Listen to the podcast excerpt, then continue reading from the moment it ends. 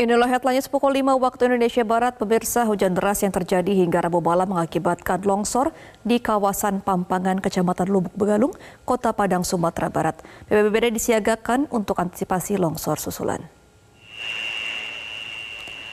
Longsor yang menghantam rumah semi permanen milik warga di kawasan Pampangan, Kecamatan Lubuk Begalung, Kota Padang pada Rabu malam. Material longsor menghantam langsung bagian kamar yang berada di belakang rumah milik Darisman bersama anak dan cucunya. BPBD Kota Padang yang menerima laporan dari warga langsung datang ke lokasi. Kalaksa BPBD Kota Padang, Zulfiton menyebut longsor yang terjadi berada di kawasan lereng bukit di kawasan Pampangan Kota Padang. Untuk material longsor tidak bisa dievakuasi pada malam tadi akibat lokasi tidak terjangkau oleh alat berat dan direncanakan material longsor akan dievakuasi hari ini secara manual.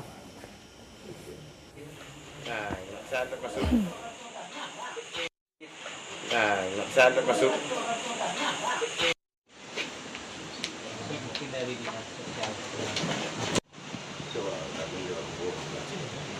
Namun eh, tadi Bapak Camat ya dengan rombongan bersama-sama ya sudah memberikan bantuan eh,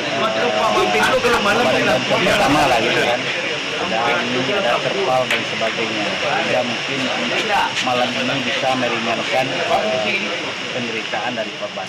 Jelajahi cara baru mendapatkan informasi. Download Metro TV Extend sekarang.